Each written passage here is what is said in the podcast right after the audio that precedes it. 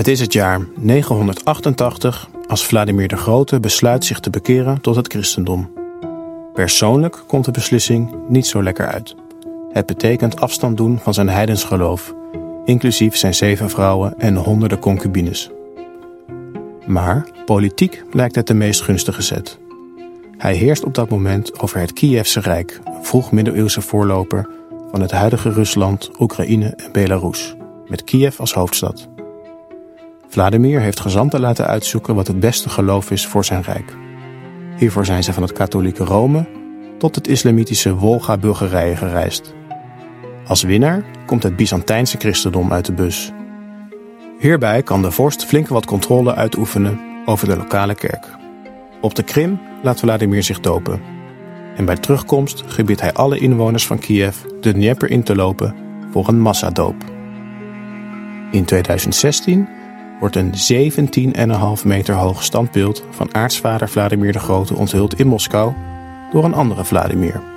Vladimir Vladimirovich Poetin. Ее цель – защита людей, которые на протяжении 8 лет подвергаются издевательствам, геноциду со стороны киевского режима. И для этого мы будем стремиться... Sinds de inval van Rusland in Oekraïne vraagt de wereld zich af wie nou de echte Poetin is. Heeft hij last van grootheidswaan gekregen? Of hebben wij gewoon al die tijd niet goed opgelet? In deze podcast ga ik, Simon de Hupkes, op zoek naar de drijfveren achter de handelingen van Vladimir Poetin. Die al meer dan 20 jaar de koers van de Russische Federatie bepaalt. Hoe was zijn jeugd? Wie zijn zijn vrienden? En welke sleutelmomenten hebben zijn visie op de wereld bepaald? Welkom bij Wie is Poetin? In de zesde en laatste aflevering van deze serie onderzoeken we het imperialisme van Poetin. Met welk deel van de Russische geschiedenis rechtvaardigt Poetin de oorlog in Oekraïne? En hoe kijkt de Russische bevolking naar hun plek in de wereld? Hiervoor spreek ik met Laura Staring. Als correspondent voor het NRC zag zij de Sovjet-Unie ineenstorten. Ze is oprichter van nieuwscollectief Raam op Rusland en auteur van diverse boeken, onder meer Post uit Rusland. Welkom Laura. Dankjewel. Ik uh, vertelde net iets over de, de, de, mythische oorsprong van het, het Russische orthodoxe geloof. Um, welke rol heeft dit geloof gespeeld in de geschiedenis van Rusland?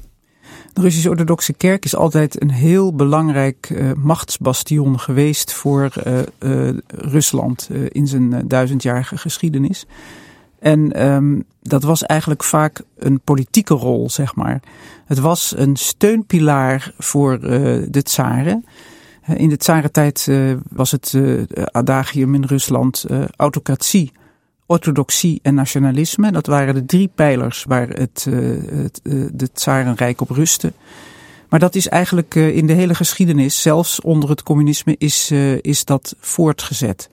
En Poetin is de man geweest die na een kleine eeuw communisme, hè, waar het geloof officieel verboden was, mm -hmm.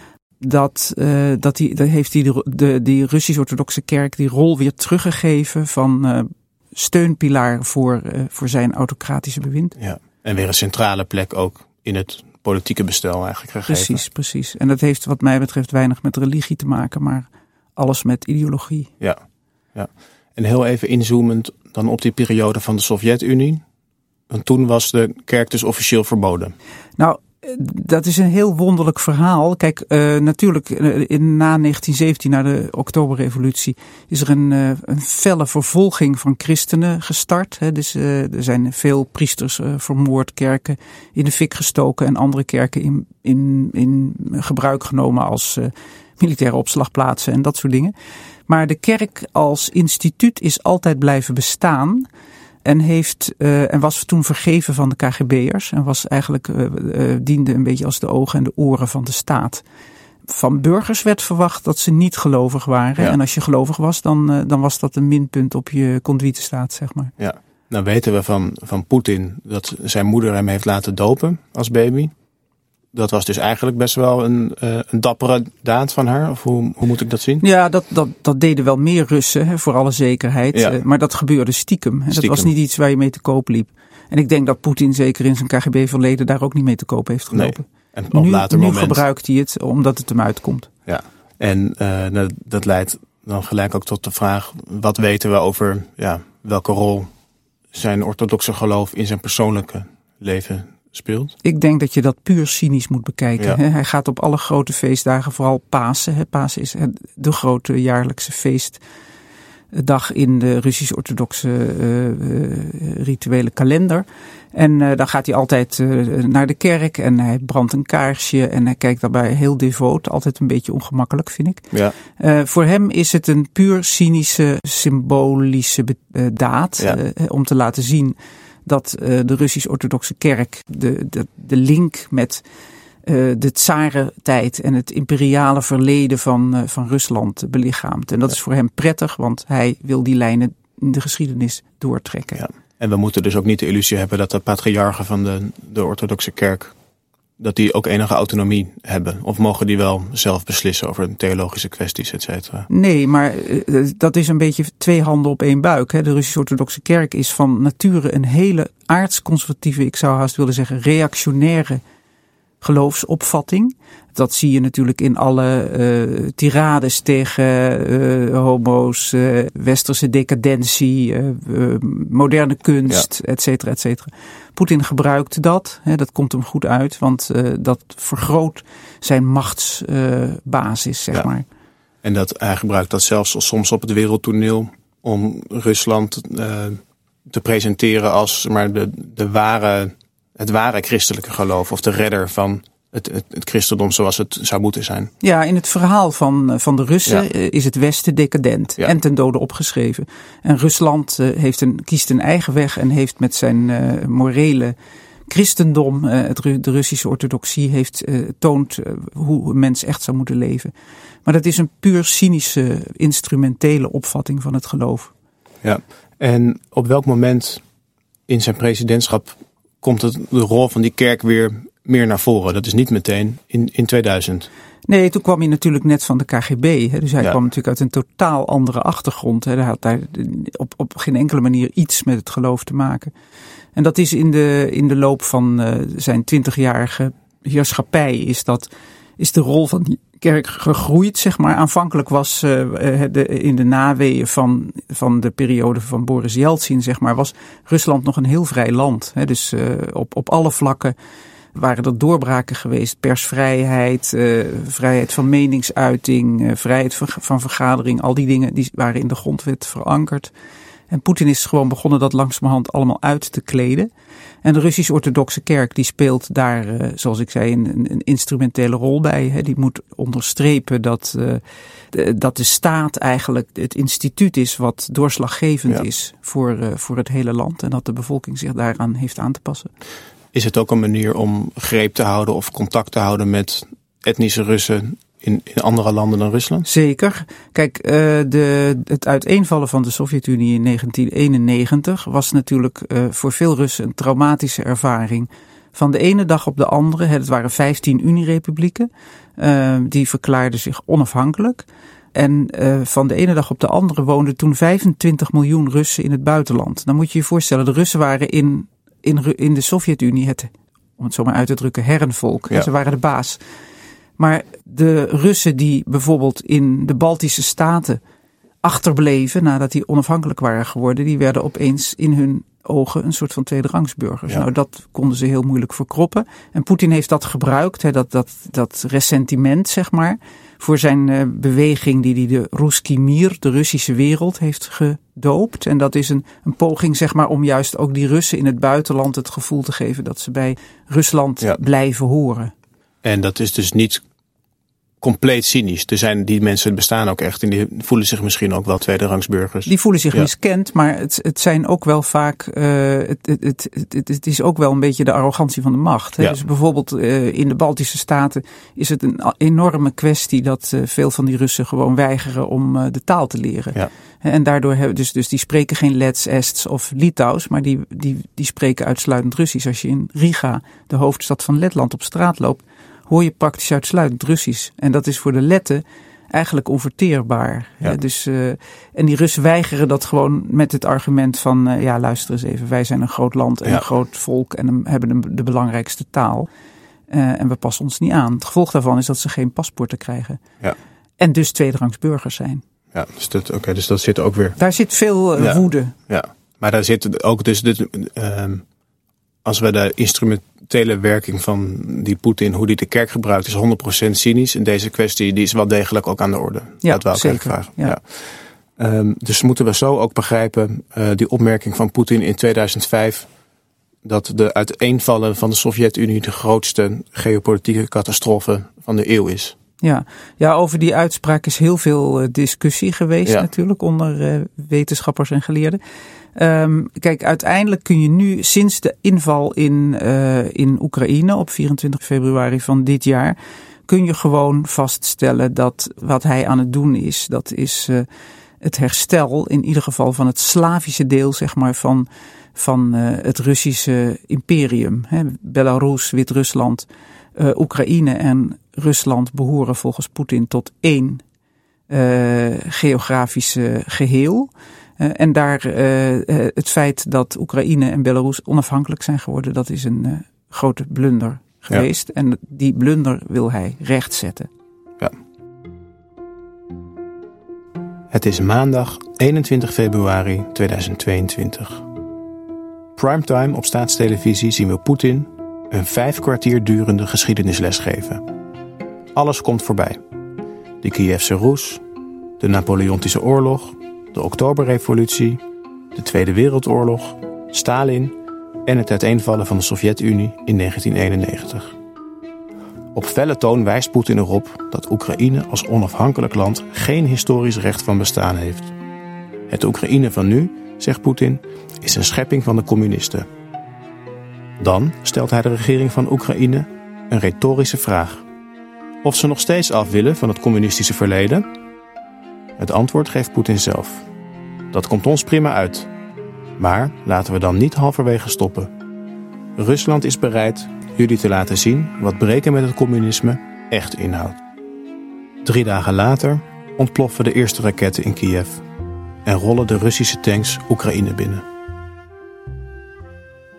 Ja, uh, Laura, het begin van die oorlog, uh, zelfs voor de mensen die het goed hebben gevolgd, kwam het alsnog in ieder geval voor mij als een, een complete schok. Je weet dat Poetin iemand is met een heel andere visie op de wereld. Um, en dat hij uh, eerder uh, internationaal recht aan zijn laars heeft gelapt. Maar dat hij zo brutaal een ouderwetse 20e eeuwse landoorlog zou beginnen, kwam voor mij als een, als een complete verrassing. Hoe naïef misschien dat ook was.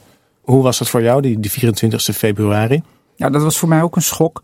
Kijk, de Amerikanen hebben het, hebben het voorspeld. Um, de Europeanen, die natuurlijk uh, veel dichter bij Rusland zitten en uh, voor wie uh, het allemaal bloedje link is, die, die konden het niet geloven. En dat, dat heeft ook wel een reden, omdat, kijk, wat Poetin aanvankelijk geprobeerd heeft, is ook mislukt. Ja. Dus die blitzkrieg rondom Kiev die is een enorm debakel geworden, een totale afgang. En uh, heel veel mensen dachten, oké, okay, hij gaat waarschijnlijk in de Donbass rommelen en daar zal hij wel troepen heen sturen en dat zal hij bij Rusland proberen te trekken. Maar dat hij zo, dat hij de illusie had dat hij met een blitzkrieg uh, een land van 40 miljoen inwoners, dat groter is dan Frankrijk, uh, eventjes aan zich zou kunnen onderwerpen. Daarvan konden wij ons niet voorstellen dat hij zo stom zou zijn. Ja. Maar hij was wel zo stom. En was hij zo stom. Dus hij werd, we kunnen misschien een klein beetje fantaseren, werd hij verblind door een bepaalde visie op, op Oekraïne. Waardoor hij de zaken niet meer helemaal helder zag. En ja, waarom is juist Oekraïne zo essentieel voor Poetin, voor zijn visie op Rusland en plaats van Rusland in de wereld? Nou, om met dat laatste te beginnen. Kijk, Kiev, de hoofdstad van Oekraïne, is de bakermat van Rusland ook. Ja. Uh, Kiev is uh, 300 jaar ouder dan Moskou. En de Oekraïners die laten natuurlijk ook geen moment voorbij gaan om de Russen dat in te peperen. Hè? Ja. Toen jullie nog in Berenvellen rondliepen aan de rivier de Moskwa, toen hadden wij al een universiteit in Kiev. Ja. Uh, en Vladimir de Grote, je noemde hem al in het begin. Hè, dus de, de man die, dat was een Kievse vorst. Ja. Dus de Oekraïners zeggen, dat is een Oekraïner en die heet Volodymyr. En Ja. de Russen zeggen hij heet Vladimir en hij is onze voorvader. Ja. Ja, maar maar dus- daarover is natuurlijk, eh, ja, daar, daarover eh, wordt gesteggeld. En de Russen kunnen niet verkroppen dat eh, die oergeschiedenis van, van Rusland, die dus in, in Oekraïne ligt, ja, dat, Ja. dat die ze is afgenomen. Ja, en die willen ze eigenlijk weer terug erbij trekken. En zij zien het als een soort toe-eigening van Oekraïne. Dat Ja, nou dat ja, zo is een- bijvoorbeeld, kijk niet voor niks, de, eh, hebben ze, zijn ze begonnen met de annex- annexatie van de Krim. Ja. En zoals jij al zei, daar heeft de kerstening van Rusland plaatsgevonden. Ja. Het is voor, voor Poetin is dat heilige grond. En dat was de reden dat hij in ieder geval, eh, dat hij in 2014 onmiddellijk de gelegenheid te baat nam om die, om die Krim terug te pakken. En eh, betekent dat dus ook daarom Oekraïne veel belangrijker is dan bijvoorbeeld Belarus? Ja, want Belarus is, eh, is zou je kunnen zeggen, wat, heeft wat minder eh, geschiedenis. eh, is een wat, wat jonger land. Oekraïne is, is voor de geschiedenis van Rusland gewoon van cruciale betekenis. Hè, dus Poetin kan dus, die, die, die straalt uit eh, dat deze drie Slavische landen, hè, die dus in zijn ogen kunstmatig zijn gecreëerd door de communisten. Ja. Eh, dat die eigenlijk gewoon, eh, ja, dat is de, de bakermat van, de, van eh, het Russische Tsarenrijk, van het imperium. Hè, dus de kern ligt in Ja. Kiev. Dat kun je dus niet afstaan. En die fout is dan dus gemaakt door de communisten in de Ja, tijd dat van de Sovjet-Unie. dat is het grappige. Dat, kijk, Lenin en Stalin die hebben de Sovjet-Unie opgericht na de Ja. Russische revolutie van eh, eh, 1917. En die hebben ehm, vervolgens eh, een, een grondwet eh, gemaakt die zogenaamd heel progressief was. En daar hadden alle 15 Unierepublieken eh, kregen daar vastomlijnde grenzen. Maar volgens de grondwet hadden ze ook het recht om zich af te scheiden. En dus in feite heeft Oekraïne alleen maar gedaan wat hen grondwettelijk toekwam. En dat is voor Poetin natuurlijk een onacceptabele blunder van deze twee dictatoren Ja. van, eh, van het communisme. En was daar, nu gaan we even heel ver terug, maar was daar in de tijd van Lenin veel discussie over? Of ze dat op die manier moesten organiseren? Of was dat toen eigenlijk, vond iedereen dat de normaalste zaak van de wereld? Nee, kijk, Lenin was bezig met landje pikken. Ja. Die heeft bijvoorbeeld de Baltische Staten erbij getrokken. Eh, Rus, eh, Oekraïne bestond toen niet als onafhankelijke staat. Ja, Eh, en ze zijn gewoon begonnen met het, met het creëren van een kunstmatige federatie. Hè, want ze wilden namelijk eigenlijk, Lenin wilde natuurlijk dat het communisme de hele wereld zou veroveren. En dan is het een beetje vervelend als dat zich beperkt tot, eh, tot Rusland alleen. Dus door die Unierepublieken daarbij te betrekken en, eh, en een, een quasi eh, gelijkwaardige Ja. status te geven, gaf die de Sovjet-Unie meer gezag. ja.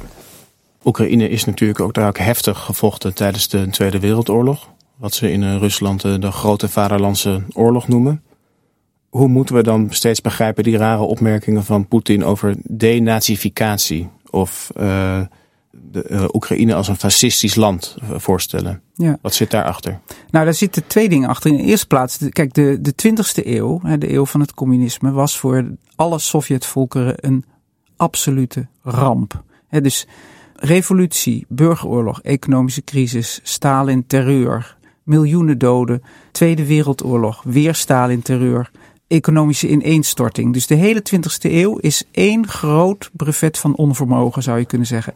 Het enige wapenfeit waar de Russen op kunnen bogen is dat ze de nazi's hebben verslagen. Ja. En dus, dus de, de overwinning op, eh, op Hitler-Duitsland, dat is eh, ook in Poetins eh, nieuwe gecreëerde ideologie het grote wapenfeit waar ze Ja. trots op zijn.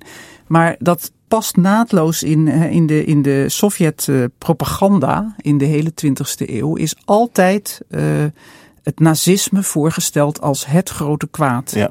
Dat de wereld probeert te onderwerpen. En dat, uh, dat vijandbeeld plakken ze nu op de Oekraïners.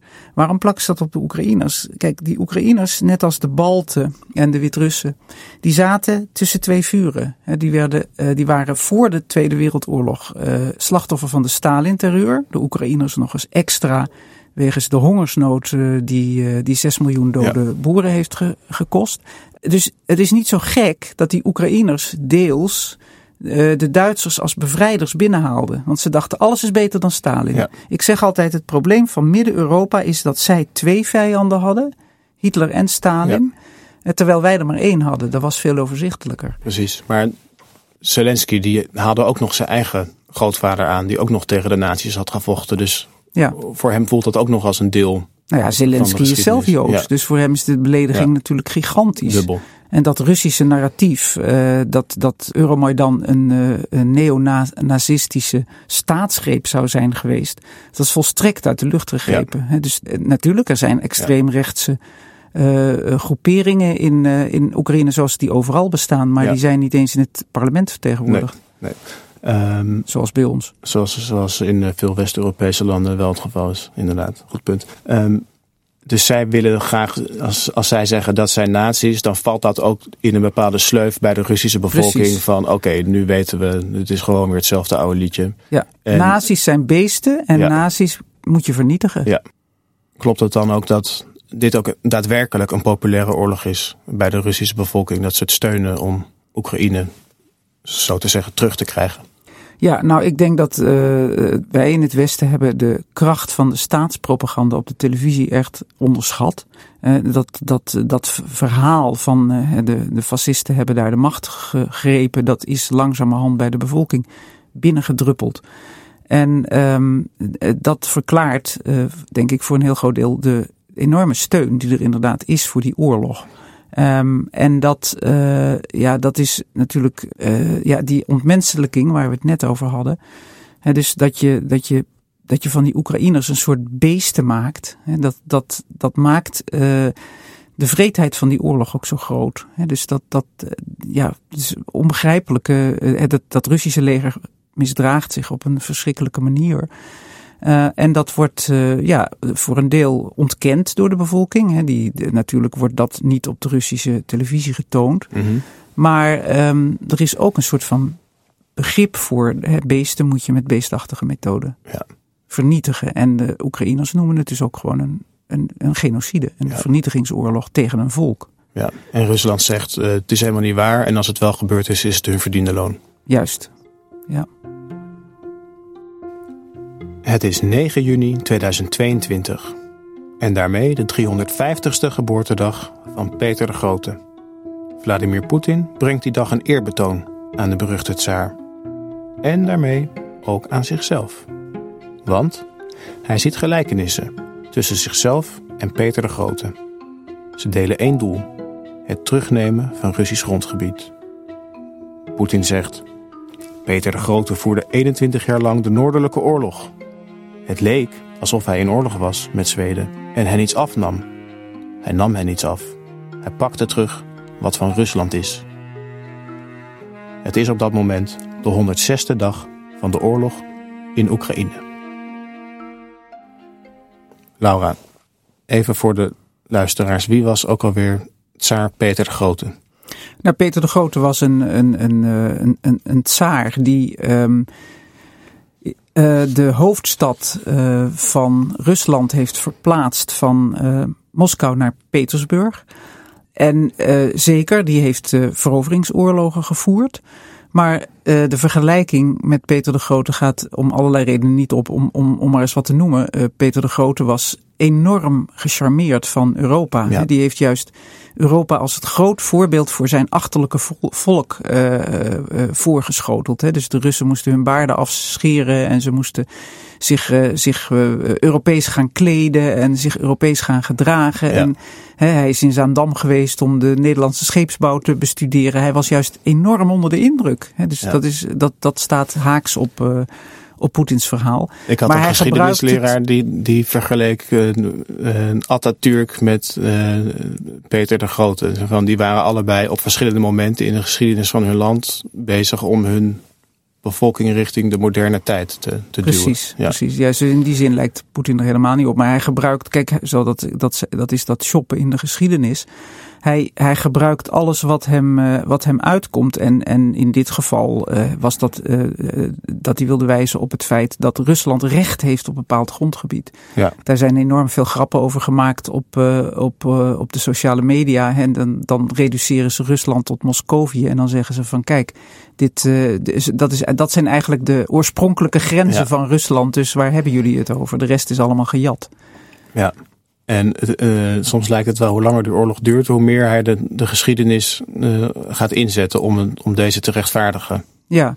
ja, waar die dus aanvankelijk in december vorig jaar nog enorm die trom van de NAVO-uitbreiding Ja. roerde, hoor je hem daar nu totaal niet meer over. Nee. Het, gaat nu, het, is nu een beetje de maskers af. Uh, in feite heeft hij openlijk erkend dat Oekraïne geen bestaansrecht heeft en dat die verovering dus ook niet zal stoppen.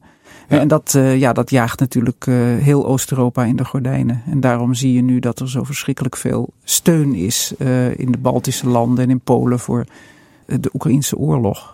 De, om, omdat die landen die weten nog maar al te goed wat hun te wachten staat Ja. als Poetin wint. Ja, en, en uh, normaal dachten we dan uh, dat is een beetje overdreven, maar uh, sinds 24 februari moeten we daar misschien anders naar kijken. Ja, het enige is dat de oorlog natuurlijk niet verloopt zoals Poetin had gehoopt. Nee, nee. Hoe liep het af met uh, Peter de Grote? Nou, met Peter de Grote liep het. Uh, dat is maar één tsaar geweest ja. in, een, uh, in een hele reeks. Hij was progressief, maar werd daarom ook in Rusland niet, niet door, lang niet door iedereen gewaardeerd natuurlijk. Hij werd ook door veel, met name door zijn edelen werd hij gehaat. En uh, je, je zou kunnen zeggen dat Peter misschien de, een beetje de, de, de basis heeft gelegd voor uh, de discussie die er altijd is in Rusland tussen Westerlingen en Slavofielen. Daar is Ja. altijd een, een, een discussie in Rusland van horen we nou de, bij Europa of horen we meer bij Azië? En nu is, uh, is de balans weer aan het doorslaan onder Poetin in de richting van Azië. Ja, dus dat is, was ook eigenlijk de reden dat we deze hele reeks maken. Van dat we gewoon in verwarring zijn over wie die Wat willen ze nu Poetin nou is. Ja. En uh, is, is hij de uitzondering. Maar als ik met jou zo praat, lijkt het misschien of meer Peter de Grote de uitzondering was. En ja, hij, Poetin meer Poetin, Poetin past, doorborduurt. past, Ja. past in een traditie natuurlijk. Ja. we hebben verschillende experts gesproken in deze serie over Poetin. En nou, hoewel er heel interessante dingen over hem als persoon en politicus te vertellen zijn, uh, zijn ze het er ook wel over eens dat hij ook een speler is, maar ook een symptoom van een systeem en een land dat uh, dysfunctioneel is. Ja, hoe zie jij dat? Ja, nou, eh, mensen zeggen, zeggen vaak van als Poetin weg is, uh, dan stort dat systeem ook in. Ja. Dat is helemaal niet gezegd, hè, want uh, het is eerder het systeem dat Poetin heeft voortgebracht dan andersom. Hè. Poetin is in zekere zin de man ohne eigenschaften. Ja. Dus een beetje een, een, een, iemand met een vrij nondescript uiterlijk. Hè. Niet erg indrukwekkend. Uh, uh, maar hij verzinnen beeld. Uh, hij raakt een snaar bij de Russen. Hè. De Ja. snaar van het ressentiment, de woede over de vernederingen. Het, het buitenlandse vijandbeeld. Dat, dat is iets wat er bij de Russen heel erg diep in zit. Ik herinner me uh, dat ik voor mijn boek Post in Rusland uh, was ik uh, een paar weken in een Russisch dorp. iets van 500 kilometer ten oosten van Moskou. En toen liep ik daar in de winter liep ik in mijn eentje langs de oever van de rivier die bevroren was. En toen kwam er, kwam er een ouder echtpaar aan. En hij was beroepsmilitair geweest en zij accountant. En die vrouw die keek mij plotseling heel doordringend aan en zei tegen mij: Vertel me nou eens, meisje, waarom willen jullie ons zo graag van de kaart vegen? En ik Compleet keek, zonder aanleiding. Ja, zonder aanleiding. En ik zei: Mevrouw, ik kom uit Nederland. Wilt u alsjeblieft even kijken wat het verschil in omvang is tussen Nederland en Rusland? Als wij jullie van de kaart moeten vegen, dan zijn we wel even bezig. Maar ik, bedoel, ik vond het zo typerend Ja. hè, dat iemand, dat dat kennelijk, what's on their mind. Hè, waar, wat, wat, dus die angst, uh, hè, dat, dat de hele wereld Rusland op de knieën wil dwingen. Dat, dat, dat, zit er, dat zit er zo diep in. en daar Ja. maakt Poetin heel handig gebruik van. En mocht hij dus ooit wegkomen te vallen, dan kan een ander ook heel makkelijk uit dat vaatje tappen. Ja, zeker. Ja. Er, zijn, er zijn in zijn onmiddellijke omgeving natuurlijk allemaal mensen die groot geworden zijn onder hem en die dezelfde opvattingen koesteren. Ja. Nou zijn er natuurlijk wel uh, in de steden wel degelijk ook uh, Russen die daar anders over denken. Die wel een verandering zouden willen. Um, ja, zie jij enige hoop op die zulke verandering? Niet onder Poetin. Nee. Poetin heeft, uh, heeft op, een, op een dermate rigoureuze manier kaalslag gepleegd. En ook echt heel systematisch. Hè? Uh, het, het, het, het, de, ja, je zou eigenlijk bijna kunnen zeggen dat de, de voorbereiding voor die invasie uh, is begonnen uh, na uh, augustus 2020, toen in Belarus een, een volksopstand begon ja. tegen Lukashenko. En toen heeft Poetin gedacht, dat nooit. Hè, dat kunnen wij niet hebben, niet in Moskou, nee. maar ook niet in Oekraïne. en, en toen is hij begonnen, zeg maar, het hele politieke speelveld kaal te vegen. Ja. Op een hele rigoureuze manier, met natuurlijk als, als meest afschrikwekkend voorbeeld de, de gifaanslag op uh, Alexei Navalny, de enige Russische oppositioneel Ja. die in staat is geweest om een massabeweging op, op touw te zetten. Nou, die, Ja. die vegeteert nu in een, uh, in een, uh, in een strafkamp. Ja. En daarom is het ook zo belangrijk om naar de bevolking toe die opstanden voor te stellen als het werk van buitenlandse mogendheden. Ja, en niet, Alles komt ja, uit, hè, dus die beroemde, beruchte we- wet op de buitenlandse agenten. Iedereen die uh, maar iets kritisch debiteert, die, uh, die wordt op, een, uh, op de payroll van, uh, van de geheime diensten geplaatst, van westerse geheime diensten. Nou, dat doet mij, ik heb in 1979 in Leningrad gestudeerd. Uh, toen was, dat, uh, was het narratief precies zo. Ja. Hè? Iedereen uh, die contacten had met buitenlanders, die was per definitie verdacht. Nou, die, die situatie begint weer terug te komen. We hebben nu geprobeerd in, in zes afleveringen uh, Poetin te duiden als persoon en ook het, belang van zijn twintig uh, jaar durende heerschappij in, in Rusland. Ja, wat moeten mensen nou over Poetin onthouden als ze over een maand hem op tv zien, op het journaal iets vertellen of ze lezen in de krant Poetin heeft dit of dat gezegd? Wat moeten we nou in ons achterhoofd hebben zitten bij alles wat we van hem zien en lezen? Um, ik denk dat hij uh, om te beginnen immoreel is, gewetenloos. En dat zie je aan uh, de manier waarop er oorlog wordt gevoerd in, in Oekraïne. Maar dat was ook al zichtbaar in Syrië en Tsjetsjenië. Rücksichtsloos. Zelfs dode Russische soldaten interesseren hem maar nauwelijks. Hè, behalve dat het een blamage is. Mm -hmm. uh, dat, dat, hij, dat het een cynische machtspoliticus is die maar met één ding bezig is. Dat is namelijk het behouden van zijn machtspositie maar die tegelijkertijd een, een hele vreemde messianistische opvatting heeft over de plaats die Rusland toekomt in, uh, in de geschiedenis. Ja. Hij wil natuurlijk de geschiedenisboekjes ingaan als degene die Rusland zijn, uh, zijn plaats in de wereld weer heeft teruggegeven. Ja. Het aanzien, het respect, et cetera. Ik denk dat hij daar falikant in gaat mislukken. Want wat je nu ziet is, uh, deze oorlog is gewoon een brug te ver. Ja. Uh, en um, de, het isolement waar Rusland zich nu in bevindt, uh, is ook voor het eigen land killing. Hè? Niet ja. alleen voor de bevolking, maar ook voor de economie. En dat hangt natuurlijk samen. Ja.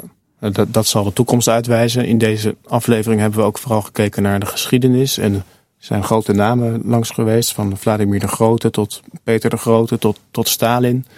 Maar als ik jou zo beluister, dan ziet Poetin zichzelf bijna op gelijke voet met die mensen, zo niet nog een klein treetje hoger.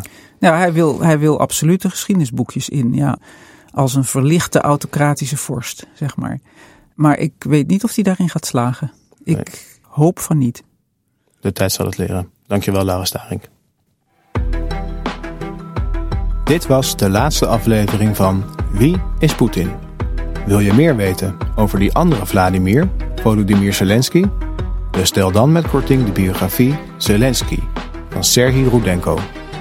In Post uit Rusland van Laura Staring krijg je meer inzicht in de Russische ziel. Deze boeken zijn verkrijgbaar bij boekenwereld.com Wie is Poetin? Wie is Poetin is een productie van uitgeverij Atlas Contact en VBK Audiolab. Bedankt voor het luisteren. Als je de serie goed vond, geef dan een review en deel de podcast met je vrienden of op jouw favoriete social media. Redactie van deze podcast is in handen van Simon Dikker-Hupkes, Rachel van der Pol en Bart Jeroen Kiers. Concept en productie Ellen van Dalsen. Regie Rachel van der Pol. Techniek en montage Tinium Audioboekproducties.